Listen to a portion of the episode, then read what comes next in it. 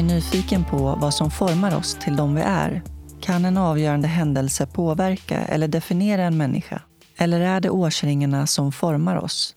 Hur påverkar miljöer och människor oss? Hur påverkas våra vägval av våra förutsättningar? Ni lyssnar på Soluret Podcast och jag heter Jasmine Nilsson. I Soluret möter jag människor från alla samhällsskikt och med varje livshistoria belyses olika ämnen. Välkommen till avsnitt 64. Dagens intervju spelades in i Kulturhuset Dieselverkstan i Stockholm. Min huvudsamarbetspartner är det internationella hjälpmedelsföretaget Invacare. Idag får ni möta Robin Araya.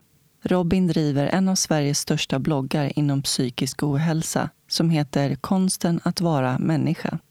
Under uppväxten blev Robin utsatt för systematisk mobbning och senare i livet drabbades han av en svår depression och försökte begå självmord. Idag pluggar han till sjuksköterska och driver podden Bögarnas värld tillsammans med sin man. Här kommer Robin.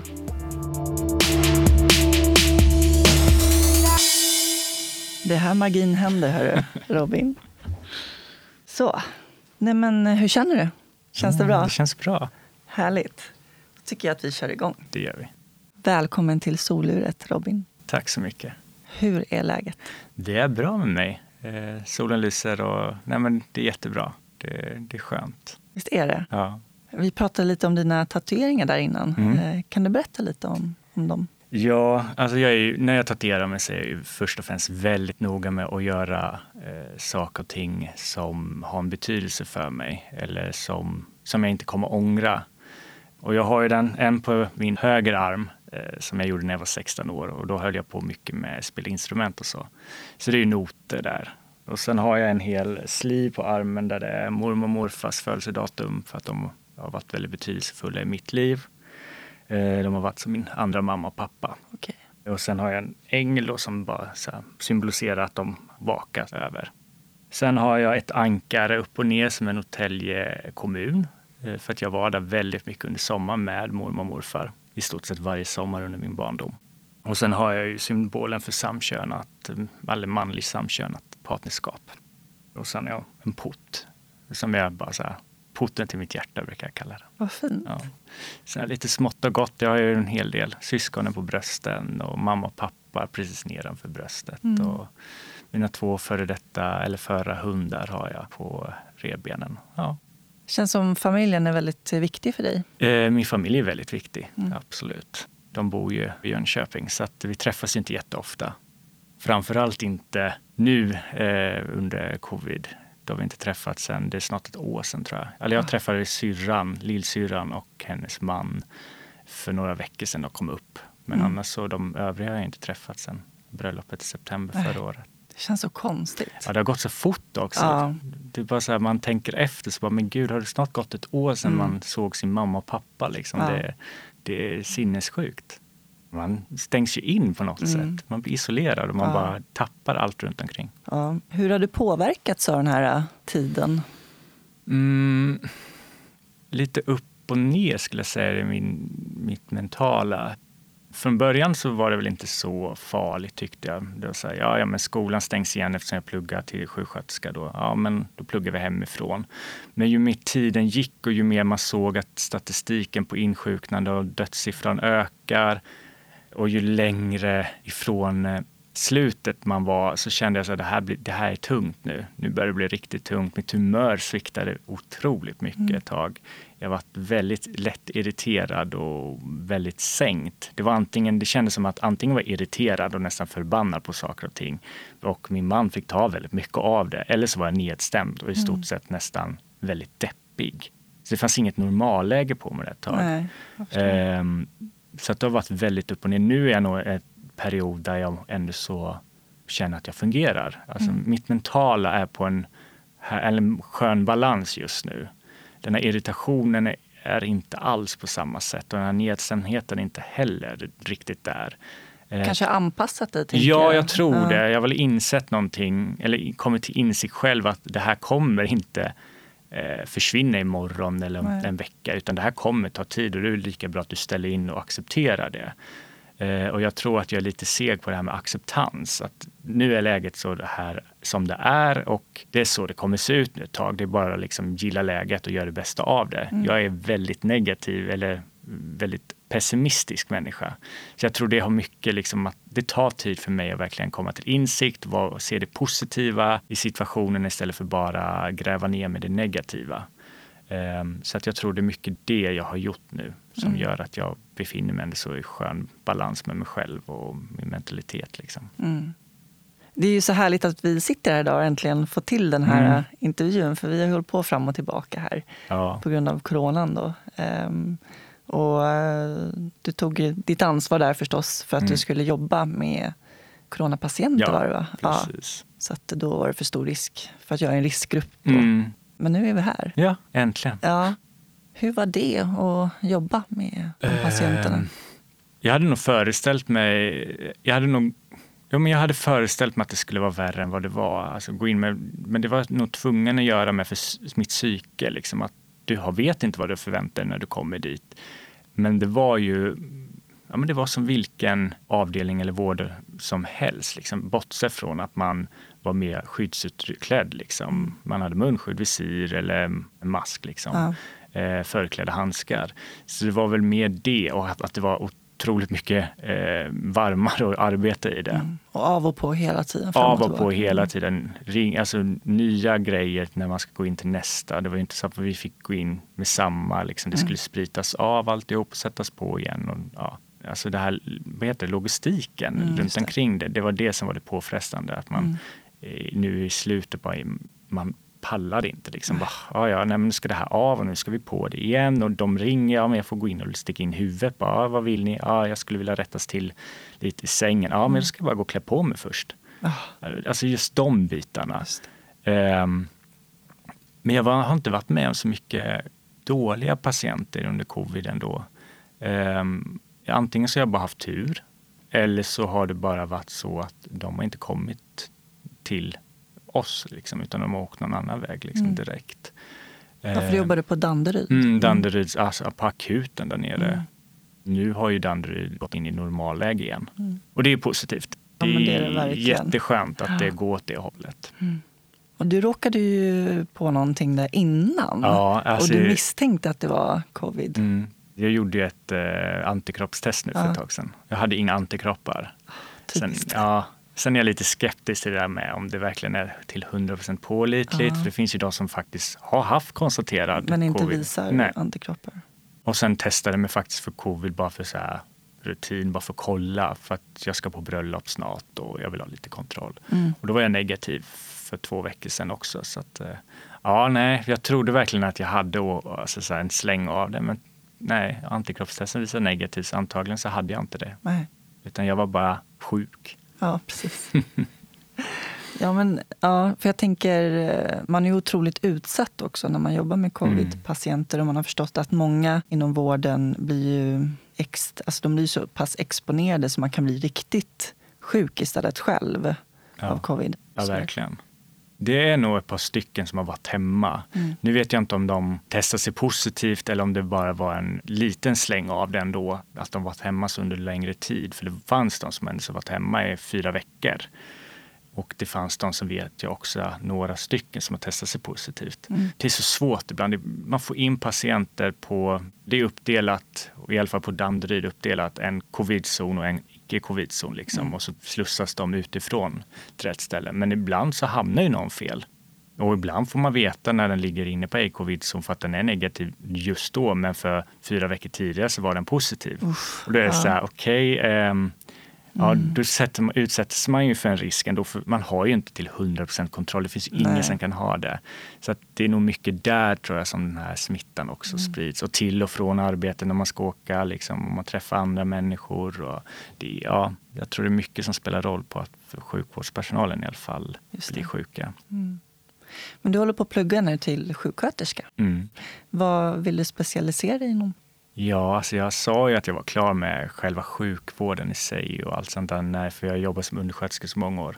Så jag var så här, ja, men jag pluggar till syrra, jag är klar med det, men jag vill hålla på med, men jag ska gå så här kurser sen när jag är klar att hålla på med skönhetsbehandlingar, botox, fillers och, och den delen liksom.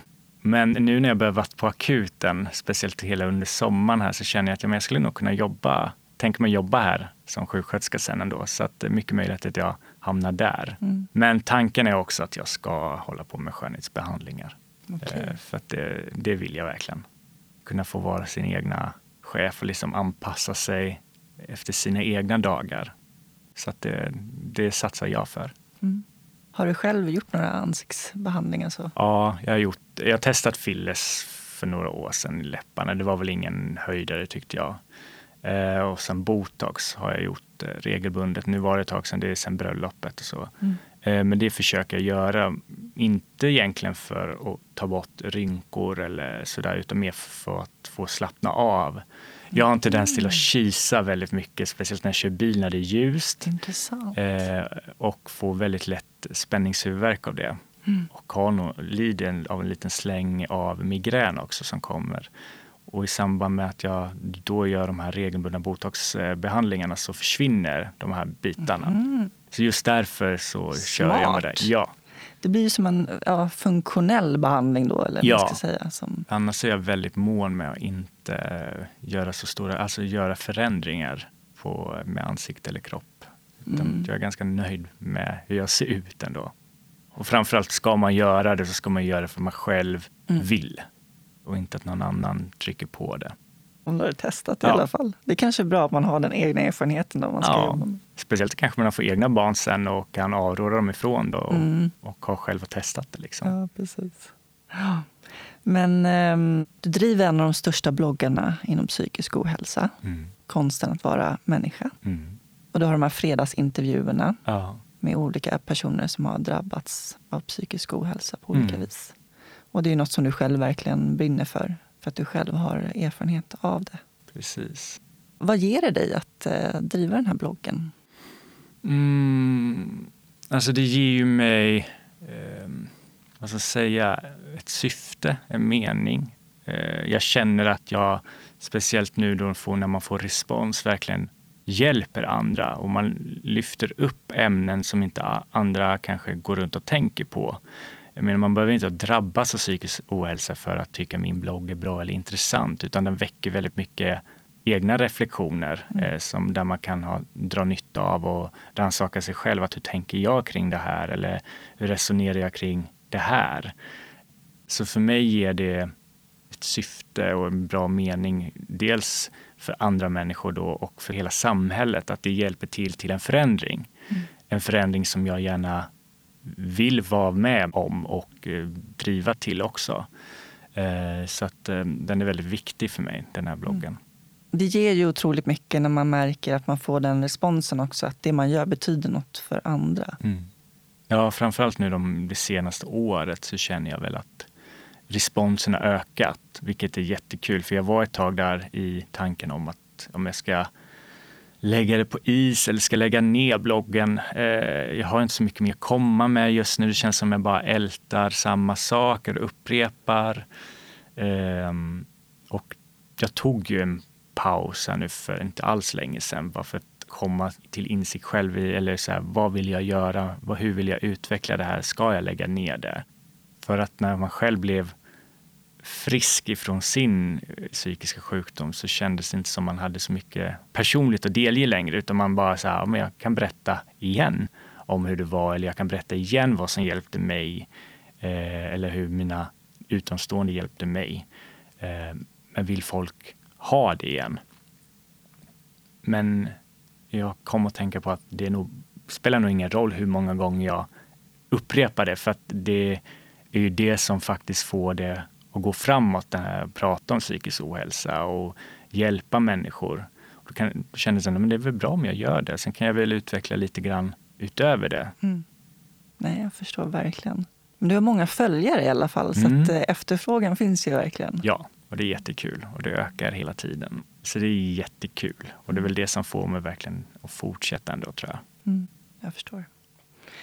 Men jag tycker att vi ska ta det från början, Mm. som jag brukar säga. Eh, Du föddes den 21 april 1992. Stämmer bra. Vad vet du om den dagen? Ja, gud vilken fråga. Ehm, jag har blivit återberättad i alla fall att min moster var med. Eh, pappa var väl också med, min biologiska pappa, men han var inte där vad jag förstod det som just då.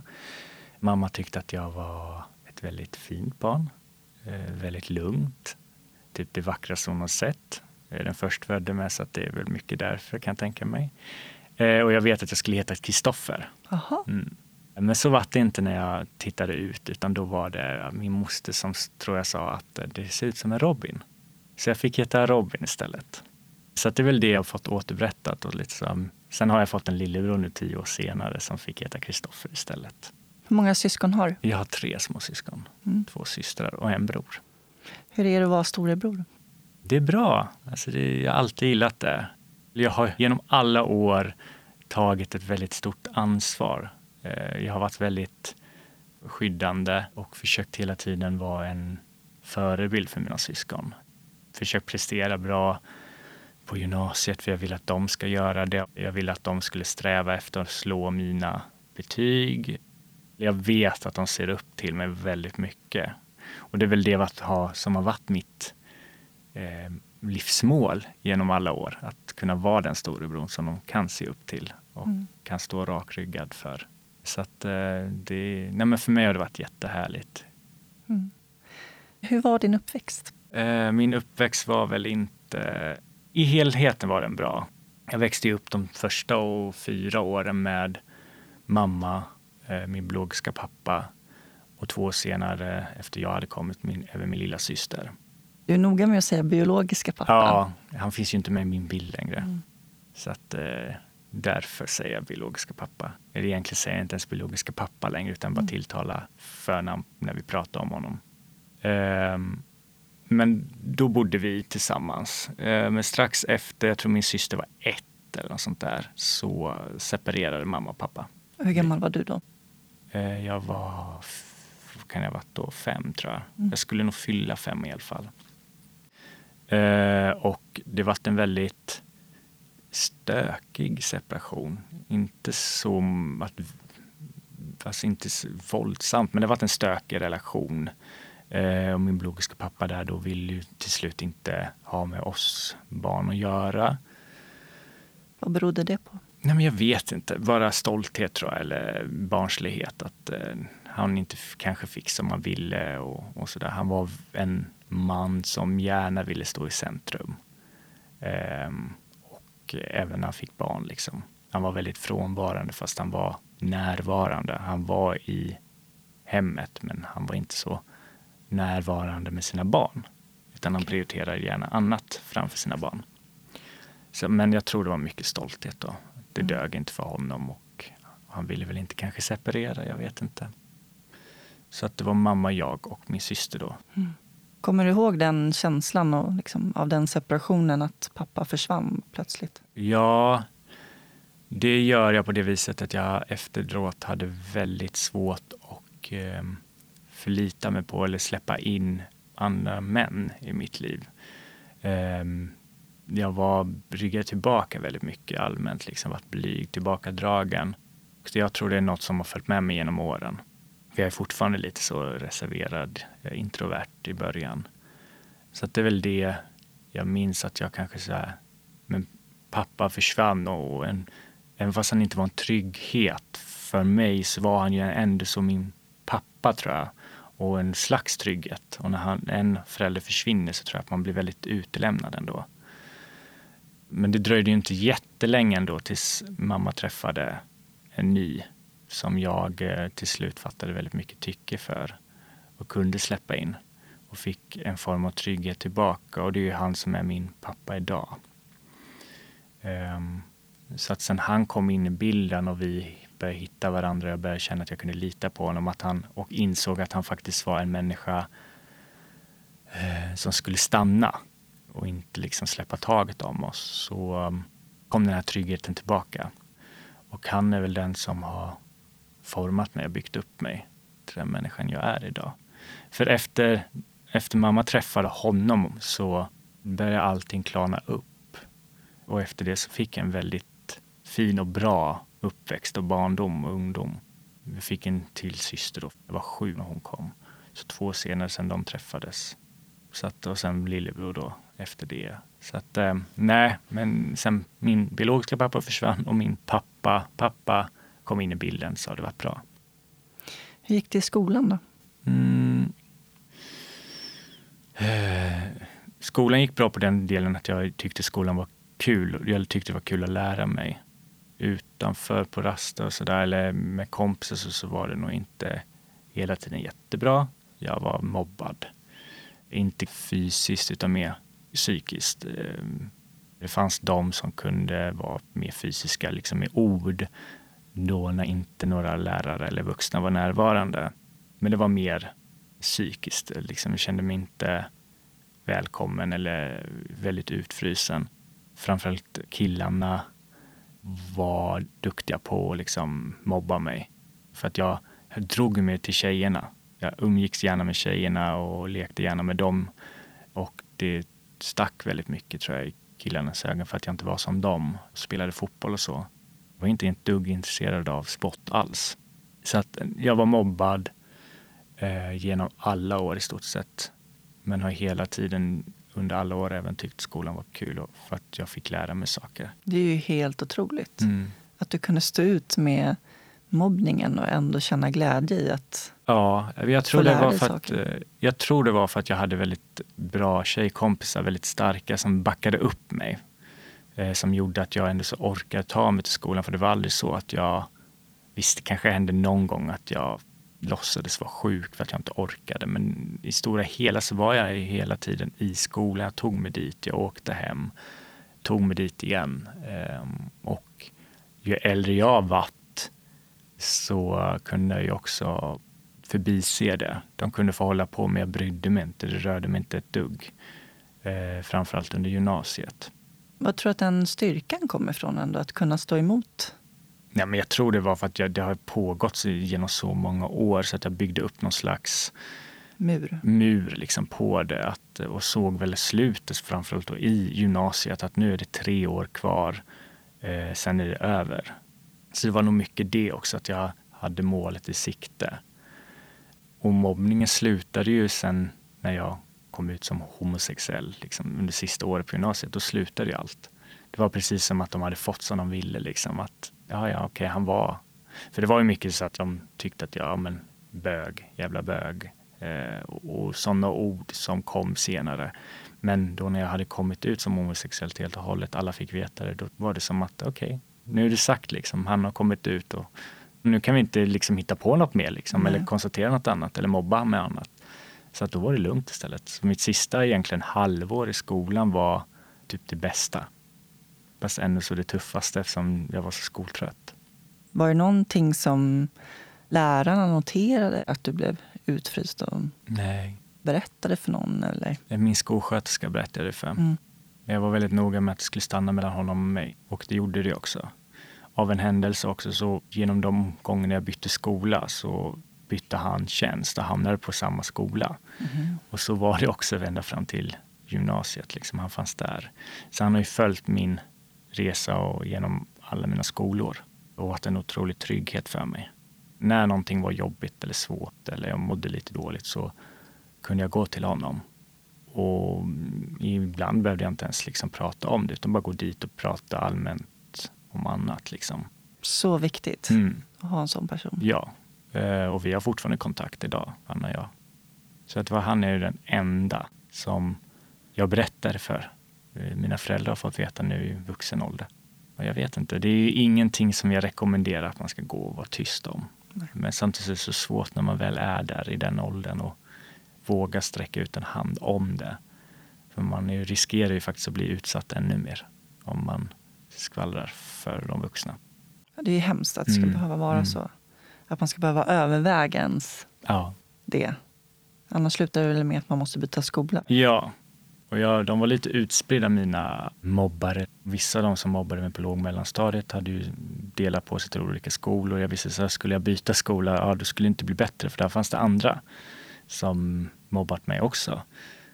Så det, var, det var nog därför också som jag var mycket tyst med. För att jag ville inte verkligen byta skola eller att det skulle bli värre.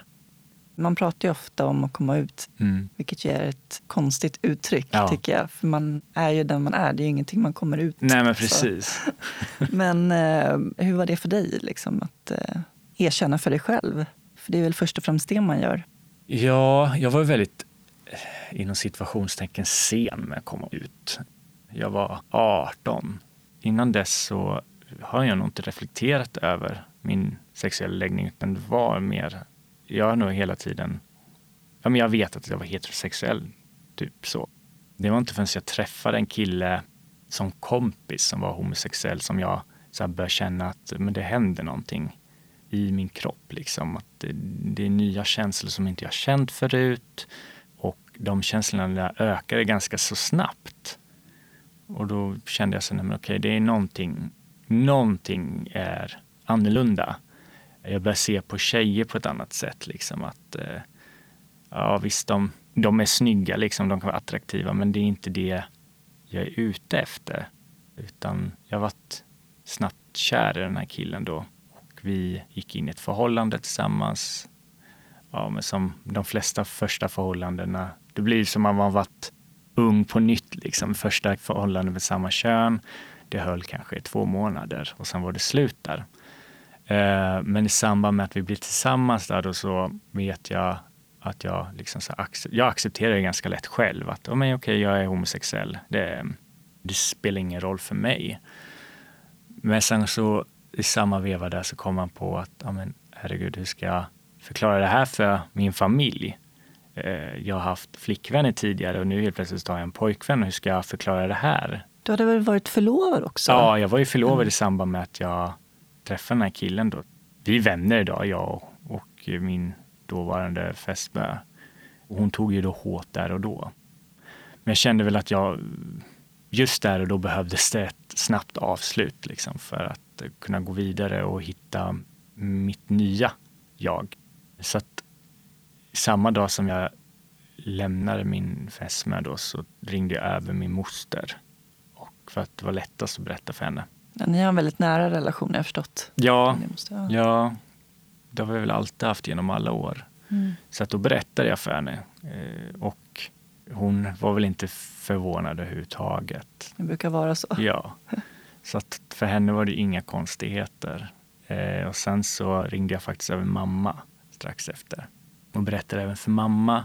Och hon hade väl också i stort sett förstått att det var någonting. Eh, och att hon visste redan. Och så bad jag min mamma berätta för pappa för att jag fick någon sån här... Jag fick för mig att han var väldigt, skulle vara lite homofob eller ha svårt för det. Eh, vilket inte alls stämde. Eh, och pappa reagerade ju typ inte alls på det. Det var mer så här, jaha, okej. Okay. Som att men det är samma, det är min son ändå liksom oavsett. Eh, och efter det så, jag stängde ner mina sociala medier helt och hållet där och då för att jag bad min mamma skriva ut hur det låg till liksom, med allt. Att eh, jag har kommit ut som homosexuell liksom, och, och vill inte göra någon stor grej av det tyckte jag. Även fast jag gick ut med det på sociala Men det var bara för att jag, jag ville bara släppa bomben och kunna vakna upp dagen efter och känna så här. Okej, okay, nu kan jag gå och fortsätta leva mitt liv. Folk vet om det. Jag kan ta frågorna och jag behöver inte komma ut varje gång jag träffar en ny människa. Precis. Utan de som vet, som finns på Facebook, är mina, alltså de, framförallt mina närmsta vänner och det är de det är viktigast för. Så det var jätteskönt. Så att det gick i stort sett på 24 timmar från att det att jag accepterar mig själv till dess att jag berättar för min familj, tills dess att tills alla mina närmsta visste om det. Mm. Alltså jag kan, när jag lyssnar på såna här historier med hur man kommer ut och sådär. Det, jag bara tycker att det är så sjukt egentligen, hela grejen med att man ska behöva göra det. Mm. Jag menar, om man är heterosexuell, ska man outa det också då? Och by ja, the way, jag är heterosexuell, nu vet alla om mm. det. Liksom. När ska vi komma till en tid då man inte behöver komma ut? Precis. När man bara är där man är. Liksom. Mm. Eller de här frågorna som, när visste du att du var bög? Man bara, ja alltså, jo, jag visste det igår. Bara, men alltså, när visste du att du var heterosexuell? Mm. Det är så här, man, jag tror man på något sätt föds man i det men man är så inpräntat och växer upp med den här heteronormativa i samhället så att man förtränger det omedvetet tills mm. dess att det inte går att förtränga det längre. Eh, nej, så att jag, jag, förstår inte alls. Jag förstår inte samhället på vissa bitar. Nej.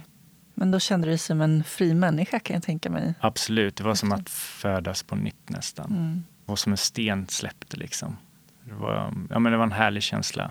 Jag känner att nu kan jag vara mitt sanna jag till 100 procent och de som inte kan hantera det hej då. behöver jag inte. Nej men precis, hej då. Du behöver inte du finnas i mitt liv. Liksom. Det här är jag och du behöver inte tycka om det men då behöver du inte heller vara i mitt liv. Liksom. Nej, precis. Din eh, biologiska pappa, mm. um, har han varit, han har inte funnits med i bilden överhuvudtaget när du blev äldre eller hur? Nej, jag avbröt eller avslutade min kontakt med honom när jag var, vad kan jag varit? 11, 12, någonstans där. Eh, innan dess hade jag försökt bo hos honom varannan helg när han ville ha kontakt med oss igen liksom, och ha oss. Eh, men det funkade inte riktigt. Han var ju inte någon trygghet för mig. Han var inte min pappa. Jag kände han inte. Jag kände honom mer som, alltså han var ju en främling för mig. Jag kände mig aldrig bekväm med hans närvaro. Han var, han var lite skum emot mig tyckte jag. Och, nej, men jag, jag mådde inte bra där. Jag vet att det, jag grät ibland när jag kom hem till mamma. Jag grät där för att jag ville hem till mamma. Och han kunde inte bemöta det liksom, utan det var så här, men lägg av nu, skärp till det liksom. Och jag var inte den pojken som kunde ta emot det, utan jag behövde mer en empatisk människa, en omtänksam, kanske en kramgod pappa liksom som sa, men det blir bra, vi löser det här. Och tillmötesgående, men han var inte det. Så jag kände väl när jag var 11-12 att jag mår inte bra. Han är ingen bra pappa för mig. Eh, jag vill inte vara där. Eh, han eh, prioriterar min syster före mig. Så att då avbröt jag liksom så här, nej. Sen försökte vi typ något år senare igen bara prata, umgås, liksom ta en fika. Men jag kände då att det var alltid jag som tog kontakt. Det var jag som ringde, det var jag som hörde av mig. Och han gjorde aldrig det. Så att då var så nej men okej, skitsamma. Mm. nu orkar jag inte mer. Så att då klippte jag helt och hållet och sen dess så har det varit så. Jag har stött på honom på typ mina syskonbarns eh, och något födelsedagskalas och så. Nej, alltså det, han har jag ingenting för. Det är ganska så, det är bara jobbigt. Jag blir obekväm med hans närvaro eller när jag vet att han är där. Jag hälsar väl av artighet, så gör jag. Men inte mycket mer än så. Mm. Vad gjorde han mot dig? Nej, men det, han kunde liksom jag kunde få skit för saker som inte jag hade gjort. Bara en sån liten grej som att min syster skulle ha haft sönder någonting. Han kunde skälla på mig fast jag sa att jag är helt oskyldig. Liksom. Det, det var inte jag. Så jag kunde, men jag fick ta mycket sån skit. Han många gånger berörde mig på ett sätt, liksom, på, alltså kroppslig beröring på ett sätt som inte jag kände mig bekväm vid. Utan tyckte så att eh, usch, nej men, det var obekvämt. Liksom. Och han kunde slå mig, egentligen kanske på skämt men ändå så, så här, på ett oacceptabelt sätt. Nej, men så här, han kunde göra, köpa jättefina saker till min syster men typ ytterst sällan till mig. Det var väl det som fick mig att liksom må dåligt och bara känna att nej, men det här går inte. Jag kan inte ha det så här. Och sen har jag en pappa som verkligen älskar mig, är den här pappan som min biologiska pappa inte är. Mm. Han har ju liksom bevisat min pappa idag att eh, man behöver inte ha blodsband för liksom Precis, blod är inte tjockare än vatten. Utan pappa är en roll man tar på sig. Ja, men vad skönt ändå att du fick den tryggheten trots mm. allt i honom. Du gick på omvårdnadsprogrammet. Mm. Det har liksom varit din väg hela tiden att eh, ja. jobba med människor. Och... Ja, jag halkade väl lite in på ett bananskal där med. Jag gick mm. ett helt annat program från början men kände mig inte hemma där. Då ville jag faktiskt in på byggprogrammet istället. Men jag skulle få gå ett extra år då för att de hade, men jag vet inte, de hade kommit en bit. Och det ville jag inte göra för jag var så jäkla trött då. Så jag sa, nej men vad finns det som jag kan välja då? För då pratade jag med syo-konsulenten och då rabblade hon upp några däribland omvårdnadsprogrammet. Och jag visste att jag hade en nära vän som gick där. Då sa jag, ja men omvårdnadsprogrammet då. Och då fick jag börja där istället. Mm. Det var tre jättefina år som jag fick med en helt fantastisk klass. Så att, eh, ja, nej, jag trivdes jättebra. Vad hade du för tankar efter gymnasiet? då? Vad hade du för tankar om framtiden? Mm, ja, jag hade väl inte direkt några tankar om det. Eh, jag träffade kärleken så jag flyttade ifrån Jönköping och flyttade till Linköping där. Bodde där i tre år. Började testa plugga till lärare. De kom ut på praktik och det var inte alls min grej så jag tog ett uppehåll då först tror jag. Sen flyttade jag ju vidare upp till Stockholm liksom, efter de tre åren. Och då hade jag träffat en annan kärlek då. Jag läste någonstans, förhoppningen var att eh, Stockholm skulle leva upp till dina förväntningar. Mm. Vad var det för förväntningar du hade när du flyttade till Stockholm? För mig har Stockholm alltid varit en dröm. Det var så drömmarnas stad. Man har sett och hört många som har flyttat upp dit och det har varit så superbra. Utelivet är fantastiskt. Det är fina parker att gå i. Det är underbar atmosfär. Folket är trevliga och man kan göra karriär och, och sådana grejer. Så det var så, nej men, och jag har varit här uppe lite grann på sommaren som barn. Så jag så, nej men dit vill jag. Det är liksom, men så kommer jag hit och så bara känner jag bara, gud vad det är stressigt. Folket är inte alls så där trevliga. Eh, det är svårt att göra karriär här uppe, det är svårt att få ett jobb. Det är svårt att få en bostad. Alltså det var bara så negativa saker när man väl kom upp Bara motgångar. Ja. Liksom. Så, så vad har jag gett mig in på? Eh, ska jag verkligen bo här? Så bara, ja, men du kan inte ge upp nu. Så att det har inte alls varit som jag förväntade mig. Ja, ger man inte upp så går det. Jag menar, idag är jag, bor jag kvar här. Emellanåt är jag otroligt trött på staden i sig. Just för att den är väldigt stressig och hetsig och kanske mitt psyke klarar väl inte alltid av det. Nu bor jag ju, har ju flyttat en bit utanför stan så att där är det mycket lugnare och skönare för mig. Och då trivs jag. Mm. Men jag är ytterst sällan, alltså ytterst, ytterst sällan inne i stan. För att jag mår inte bra av alla människor där. Mm. Nu tar vi en kort paus och ringer upp min samarbetspartner Invacare. Invacare Kristina. Hej Kristina, det är Jasmin från Soluret här. Hej, hej på dig. Det är premiär för dig i podden här. Ja, absolut. Jag har aldrig varit med om detta förut. Berätta vad du gör för någonting på Invacare. Ja, jag är distriktsansvarig säljare på produkterna gång, hygien och oxygen. Vilket betyder att jag är ute och kör runt på mitt distrikt och träffar kunder och ja, fyller min dag med kundbesök.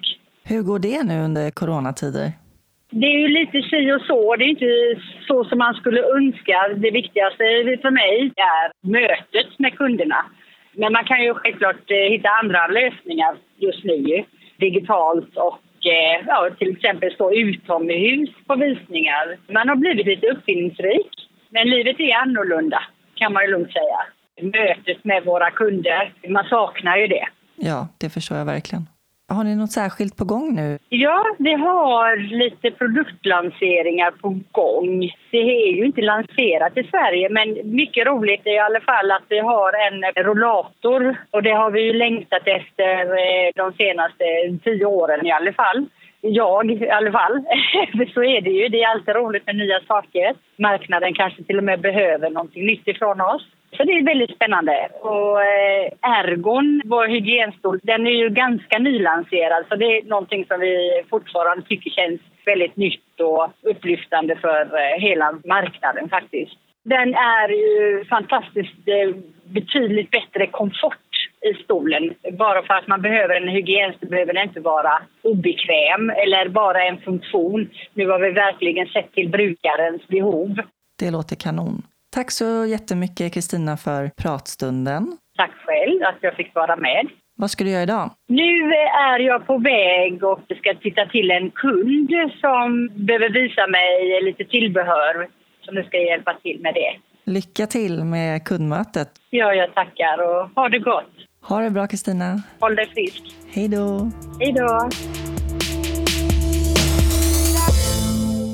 Men eh, hösten 2016, det var då du insjuknade i en, en svår depression. Mm. Vad berodde det på?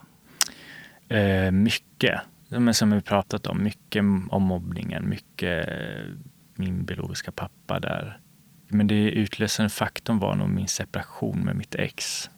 Av det du har berättat, då låter det verkligen som att du har tryckt ner liksom, dina känslor. Ja. Som det här med mobbningen, att du, det handlade om att överleva mm. på något vis. Mm. Och till slut så kommer det ju explodera. Ja, och det var väl det som gjorde, även det här med att komma ut som homosexuell var väl mer påverkande på mitt psyke än vad jag kanske trodde. Liksom. Jag vet inte egentligen, det var inget jobbigt så sett, men att göra, bara komma ut är nog en stor grej som man måste bearbeta ordentligt.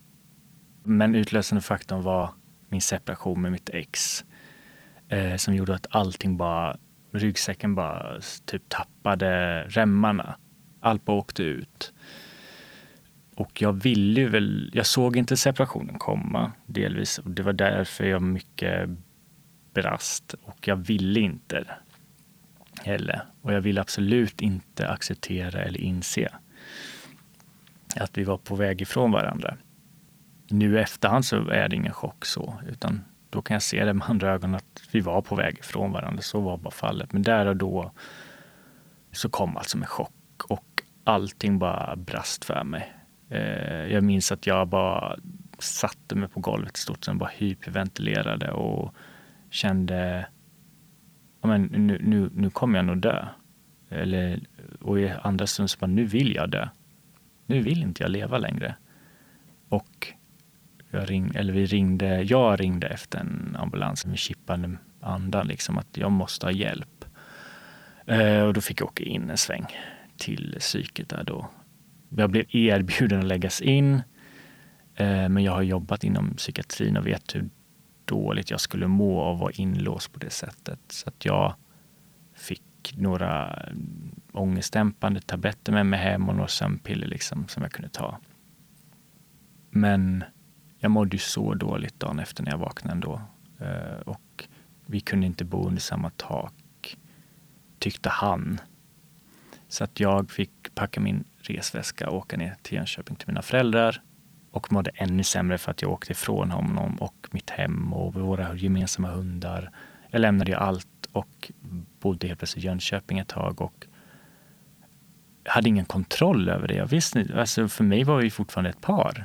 Även fast han hade separer, eller ville separera, men för mig var vi fortfarande par. Och ha sin fästman där uppe i Stockholm då och inte veta vad han gör, om han träffar någon annan eller vad han Sitter han och gråter där hemma eller är han ute och festar? Vad, vad gör han? Eh, han svarar liksom inte på mina meddelanden, han svarar inte när jag ringer. Ja, men man gräver ner sig otroligt mycket i sig själv när man är ifrån den man älskar. Mm. Eh, så jag var ju ännu mer deprimerad liksom, och otröstbar. Jag vet att jag försökte verkligen säga, jag ska bara gå och träna. Nej, jag orkade inte det i längden. Jag åkte till min barndomsvän där i Jönköping, umgicks med hennes barn. Men det hjälpte ju bara en stund. Så fort jag lämnade där och kom hem till mina föräldrar igen så mådde jag bara dåligt. Jag vet att jag började dricka mycket mer för att dämpa min ångest. Eh, men även det var ju ingen bra lösning eller funkade inte heller i längden. Utan det gav mig bara nästan alkoholproblem. Så att under den tiden som jag bodde där nere så blev jag otroligt deprimerad. Det var väl i stort sett då som jag sjukanmälde mig från jobbet. Eh, för jag hade tänkt åka hem och arbeta. För jag jobbade natt och man hade några veckors ledigt och sen skulle jag gå på och jobba. Så där tänkte jag, och jag åker hem och så hittar jag någon lösning på där jag kan bo. Men jag sjukanmälde mig när jag började närma för jag mådde så dåligt då. Och då bodde jag väl kvar sju dagar där nere och sen åkte jag hem och fick bo hos min moster som bodde i Stockholm då och kunde gå till läkaren liksom och fixa ett sjukintyg liksom på att jag, jag mådde inte bra. Och då vet jag att de satte så ospecificerat på sjukintyget. Liksom. Och jag bara, ja, ja okej. Okay. Sen så tog jag kontakt med sjukvården igen och då efter ett tag där så pratade vi och jag fick berätta allt och då fick jag diagnosen depression och eh, ångest. Var det panikångestsyndrom eller något sånt där stod det också på mitt sjukintyg då och då var det ju en längre sjukskrivning. Eh, jag vet inte om den var på fyra veckor då. Och sen bara så mm, ökade den på. För att jag försökte ta livet av mig därför jag mådde ännu sämre. Och vi försökte, eh, jag tror det värsta var att vi försökte dejta, jag och mitt ex, under en period också. Han ville väl någonstans kanske vara snäll mot mig. Jag tror inte han egentligen, han var klar med oss, men han ville väl inte såra mig så hårt som jag mådde så att vi dejtade ett tag. Och det gjorde väl inte saken bättre, för varje gång så kom ju saknaden tillbaka. Den blev ju bara större och större efter varje gång vi hade träffats. Vi försökte ett tag. Eh, vi testade att vara tillsammans igen under, efter jul där. Vi bodde ihop en helg tillsammans, men det brast ju sen. Och då mådde jag ännu sämre, så jag försökte ta mitt liv. Jag måste bara fråga, bromsa upp lite där ja. när man kommer till den punkten att man bestämmer att ta sitt liv. Mm. Det krävs ju enormt mycket mod att ta det beslutet. Mm. Att faktiskt göra det. Ja, så är det. Alltså, och det är det jag känner att många menar på att det är fegt och det är svagt och det är liksom det ena och det andra. Det finns mycket fördomar kring det mm. när man inte själv har mått så, så dåligt. Um, men hur gick dina tankar där precis innan när du liksom bestämde dig för att nej, jag orkar inte mer? Mm. Jag vet inte egentligen. Det var nog en ganska så svart bild. Jag vet bara att jag orkade inte känna alla känslor inombords. Eh, men jag vet också att jag var otroligt rädd. Jag har alltid varit rädd då för döden. Jag är inte lika rädd idag, men då var jag väldigt rädd för att dö. Och jag visste, att, eller jag önskade någonstans bara att oh, men okej, om jag ska ta mitt liv nu så ska det gå fort. Jag vill inte vara med om att det ska gå långsamt, utan ska jag dö så ska jag dö helt direkt. Jag var typ snudden på det, men min moster kom och hjälpte mig tillbaka. Liksom. Eh, ja, men det, det, är mörkt. Det är otroligt mörkt. Det är så svårt att förklara. Liksom. Som du säger, har man inte varit där så finns det så mycket fördomar för det. Och, men man tänker inte så mycket liksom så på, på någonting annat än, att man bara vill man vill få slut på alla känslor som känns inombords på sitt lidande. Kände du dig som en belastning? Mm, ja, det gjorde jag. Jag kände väl att det finns ingen som kan trösta mig. Det finns ingen som alltså, ska behöva lägga den energin och sin, sin dag eller sin vardag på att trösta mig eller finnas där för mig hela tiden och passa på mig. Det var ju som att sitta barnvakt till mig och det vill inte jag och så här, belasta läkare och psykolog med mig när det finns andra som mår ännu sämre liksom, eller behöver också vård. Liksom. Nej, men, ja, men en stor belastning på många olika sätt. Liksom så här, jag kände mig inte duglig för min familj för att jag mådde så dåligt. Eh, det är inte meningen att jag ska komma där för att pessa deras eh, vardag. Liksom. Att jag mår dåligt när de mår jättebra. Och, ja, nej. Det, det var mycket sådär känslor tror jag runt omkring som fick mig att komma dit. Men så att sjukskrivningarna som jag då var började på fyra veckor, de ökades ju bara hela tiden. Jag tror jag var sjukskriven totalt i ett och ett halvt års tid eller sånt där. Och under den tiden så var det ju, gick det ju väldigt upp och ner. Jag träffade min nuvarande make där mitt i början egentligen. Typ för fyra månader, nej inte fyra månader, två månader efter att jag sjukskrev mig så träffade jag honom då när jag i stort sett kom tillbaka till Stockholm igen.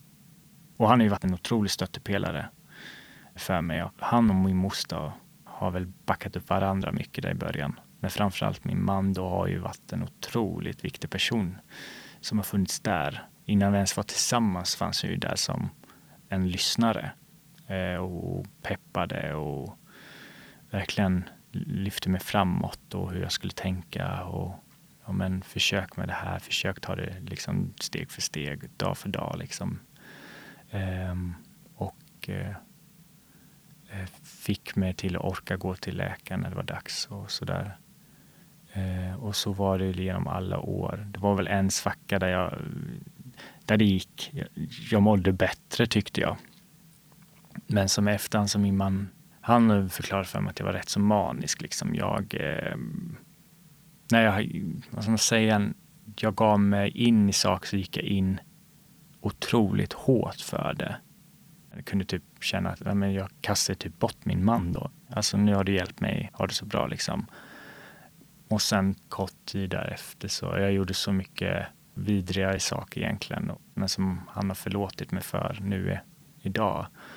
Som jag känner att det är så det är så lågt egentligen det, så att jag pratar gärna inte om dem.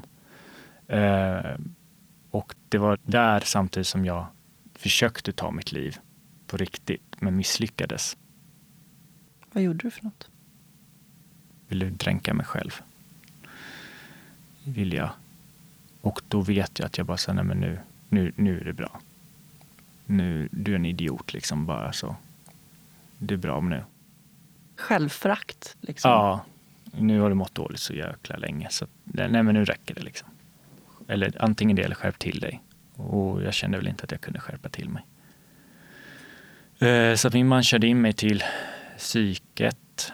Eh, men eftersom jag var, hade massa alkohol i kroppen då så blev jag skickad till BAS. Berätta vad BAS är. Det är, vad är det egentligen? Det är väl så här nykterhets... Att man ska ligga där nyktra på sig. Eller ja, sova av sig ruset fast man mår psykiskt dåligt. Liksom. Och jag lades in under LPT, under, alltså lagen om tvångsvård. Hur var det? Hemskt. I efterhand. Då hade jag ingen aning om det. Jag hade så hög promillehalt. Alltså det, var, det är typ ett under ens att jag var vid medvetande med den promillehalten. Jag blev nedsövd vet jag. jag fick, eh, så pass? Man ja, blev nedsövd? Ja, jag fick ta så här, vad heter det, en, eh, en kopp med eh, sömnmedicin liksom. Och vet att precis innan fick jag massa vitaminsprutor och, och sånt där liksom. För att det skulle hjälpa mig mot baksmällan dagen efter bland annat. Så. Och stabilisera upp kropp, alltså vätskebalansen. Så att jag somnade ganska omgående med efter det hade kommit in. Jag somnade i min mans knä och vaknade upp i en säng. Typ, ja, kan det varit? Jag tyckte att det var typ 24 timmar senare men det är typ bara 12 eller något sånt där. Mm. För jag åkte in tidigt på morgonen och vaknade 12 timmar senare tror jag det var. Först och främst hade jag ingen aning om var jag var. Och sen när jag tittade mig runt omkring så såg jag att jag var på något form av sjukhus. Sen kom ju liksom de här minnesluckorna tillbaka, vad som hade hänt och vad jag, att jag hade fått komma in till bas och att jag hade fått eh, söm, dricka sömnmedicin och den biten. Då hade jag en vakt också för att jag hade försökt ta mitt liv liksom och ja, då får man ha en vakt liksom om man är självmordsbenägen. Han var överallt där jag var. Jag fick inte stänga dörren när jag skulle gå på toan. Eh, när jag gick utanför rummet så var hon med mig och när jag kom utanför rummet vet jag att jag var så jäkla rädd. Eh, för jag kände mig som en liten pojke jämfört med alla stora äldre män som var där. Som dessutom kanske inte hade alkoholproblem. Vissa hade ju drogmissbruk liksom och var där för det. Så jag vet att jag kände mig som en liten pojke i ett fängelse liksom, som skulle kunna bli uppäten när som helst liksom, av de här. Så att jag gick ju till skötarna som jobbade där och bad om att få ringa. Så jag ringde min man och min mamma och bad dem att komma och hämta mig. typ. Men så länge man har eh, bedömningen nummer fem, liksom att man ska ha vakt bara för att man är självmordsbenägen så kommer man inte skrivas ut på långa vägar. Men jag gick ändå så och försökte prata med en eh, läkare, en psykläkare och och sa att jag kommer bara må sämre av att vara kvar här eller bli inneliggande så att jag vill gärna hem. Och han var väl så lite tvekaktig att släppa mig först men så sa han, har du någon som kan vara hemma med dig under dagarna? Så ja, så det kan jag nog lösa. Så då ringde jag min man och frågade om inte min svärmor kunde typ sitta barnvakt. Och det var inga problem, så då fick jag komma hem. Och då var efter, där omkring som jag kände att nu, nej men nu Robin får du nu får du skärpa till det, nu får du ta tag i det här och liksom köra på riktigt. För du vill inte dö och du vill inte vara inne på psyket. Så då har du bara ett alternativ och det är att bli bättre. Det var efter det som det började gå uppåt för mig igen. Och visst, det var ett steg tillbaka ibland när jag mådde jättemycket sämre igen och kände att jag gör inga framsteg. Men återigen så var ju min man där och var så fast du tar ju kanske två steg framåt och ett tillbaka och det är helt okej. Okay. Eh, och det är helt okej okay att stanna, alltså och inte ta några steg alls framåt. Utan bara så länge du kämpar på och inte ger upp så är det ju det som räknas. Liksom. Han är ju den som har varit orsaken till att jag idag har bloggen och arbetar med det här med psykisk ohälsa. För det var han som kom med förslaget att jag kanske skulle starta någon form av blogg bara för att skriva av tankar. Det jag kände och, och så där. Så det var ju aldrig tänkt att det skulle bli en blogg för allmänheten. Så att då gjorde jag ju det om dagarna och förgyllde, alltså så här, fick dagarna gå igenom och skriva av. Mådde jag dåligt så skrev jag om det. Mm. Mådde jag bra så skrev jag om det också. Och kunde gå tillbaka när jag mådde dåligt igen och titta på de gångerna jag mådde bra. Och faktiskt själv komma till insikt med att jag har mått bra, jag har tagit fram, gjort framsteg. Det stämmer inte det du känner just nu, att du misslyckas med allt du gör. Um, men sen så växte ju bloggen, folk hittade ju dit genom nätet och då växte den fram och blev något större. Och I samband med att den växte och jag såg att jag hjälpte andra samtidigt som jag hjälpte mig själv så fick det mig själv att må ännu bättre och få en, en inre glöd till och verkligen, men nu, nu vill jag må bra igen parallellt med att bloggen växte och med min mans hjälp så är det liksom tack vare det som jag mår bra igen. Även fast det tog ungefär ett och ett halvt år mm. dit. Vad anser du om, om den behandlingen som du fick den här tiden? Jo, men jag tycker den har, för min del har den varit bra. Jag har inte känt att jag får ligga på så mycket Eh, med att få hjälp. Däremot det som har varit mindre bra i början var att jag fick byta läkare i stort sett varje gång. Eh, och inte så för att de inte hade kompetens, kände att de hade kompetens till att hjälpa mig, utan de slutade. De blev omplacerade, de slutade och till slut vart jag så trött på det så jag sa faktiskt till den sista läkaren som jag hade att eh, så här, jag tänker inte byta läkare en till gång och jag orkar snart inte gå igenom allt från början igen, varför jag är här. För att det står i journalen, då får ni läsa det till er, för nu orkar inte jag med. Och det var väl någonstans då som jag fick en och samma läkare. Och sen vet jag också att jag, det som var mindre bra var inte vården, utan behandlingen. Jag fick liksom så nästan tjata mig till någon form av psykisk behandling. Liksom. Och jag fick testa DBT eh, som är liksom för eh, beteendeförändringar. Liksom. Och det var inte alls någonting för mig. Mm. Och efter det så var det så här, fick jag ingenting annat att testa. Förrän typ ett år sedan fick jag testa en sån här psykdynamisk eh, psykolog. Som inte heller var någonting för mig. Eh, för att jag tyckte bara det provocerade fram ilska, irritation i mig. Liksom. Och det är lite det som är tanken där, att man ska man ska trigga igång någonting för att man själv ska hitta lösningar på det. Liksom att hitta alternativ till att okej, okay, du blir irriterad nu, vad kan du visa det på något annat sätt? Eh, och det funkar inte riktigt på mig. Mm. Så att det är väl det att jag hade önskat att jag kanske fått lite andra behandlingsmetoder. Mm. Sen kanske det inte finns någonting för men KBT kanske inte är riktigt det som jag behöver. För att det som finns kvar idag är väl mycket ilska, alltså inre irritation och ilska som ibland bubblar upp. Och det är väl den jag behöver hjälp med. Men sjukvården i sig under min depression, den har varit bra. Jag tycker jag blivit bemött väldigt mm. fint. Hur lever du ditt liv idag? Idag lever jag ett bra liv tycker jag. Ett väldigt till 90 procent balanserat liv med min man. Och tre hundar har vi. Så det är fullt ös hemma. Nej, men så att mitt liv idag är väldigt bra. Och så pluggar jag då, kommit halvvägs snart. Jag tänkte komma in på standardfrågorna. Mm. Vad innebär det för dig att vara människa? Det innebär att man ska få må bra. Att man ska kunna skapa, uppnå den visionen som man sätter upp för sig själv. Utan att det ska komma åsikter från vänster och höger. Utan man ska kunna göra det man själv vill det man vill uppnå ska man få uppnå, eller åtminstone försöka. Man ska ha samma rättigheter och att alla ska behandlas lika.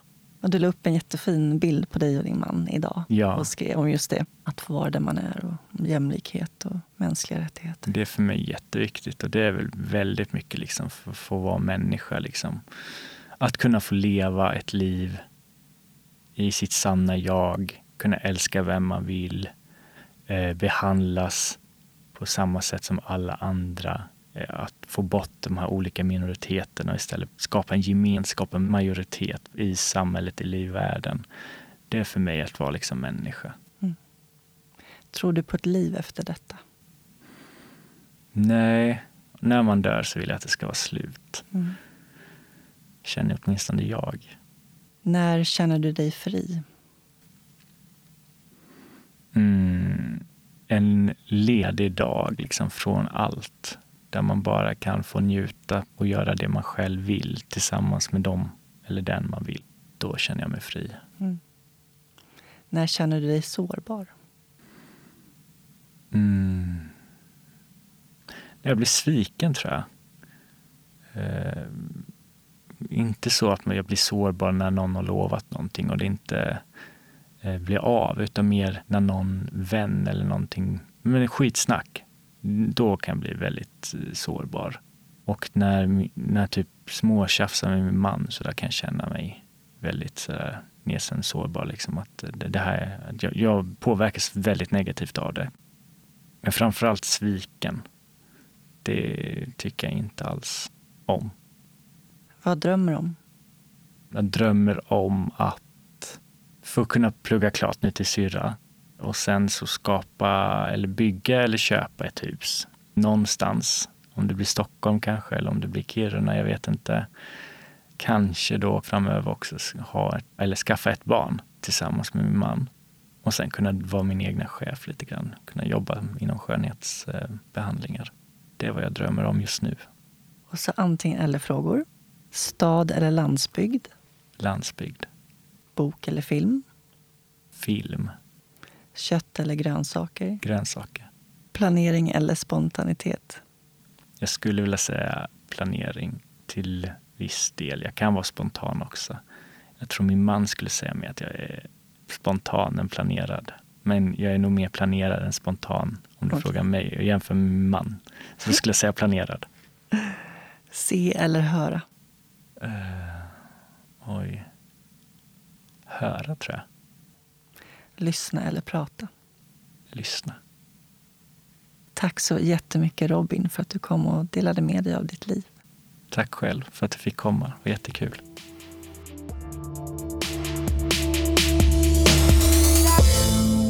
Ni kan följa Robin på sociala medier och gå in på hans blogg konstenatvaramänniska.com. Och glöm inte att gå in och lyssna på Robins och hans makes podcast Bögarnas värld där de pratar om allt ifrån galenskap, humor och relationsfrågor.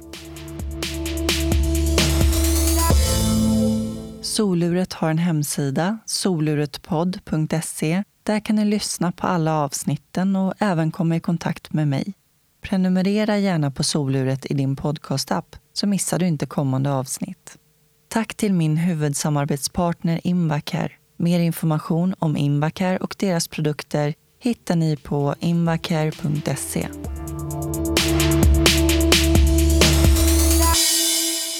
I nästa avsnitt får ni möta Charlotta Rydholm. När Charlotta var 29 år blev hon diagnostiserad med multipel skleros.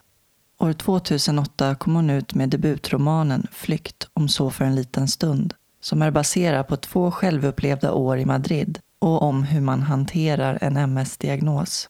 Charlotte är facilitator, föreläsare, författare och driver förändringsbyrån To Begin. Tack så mycket för att ni lyssnade och ta hand om varandra där ute. Puss och kram. Hej då.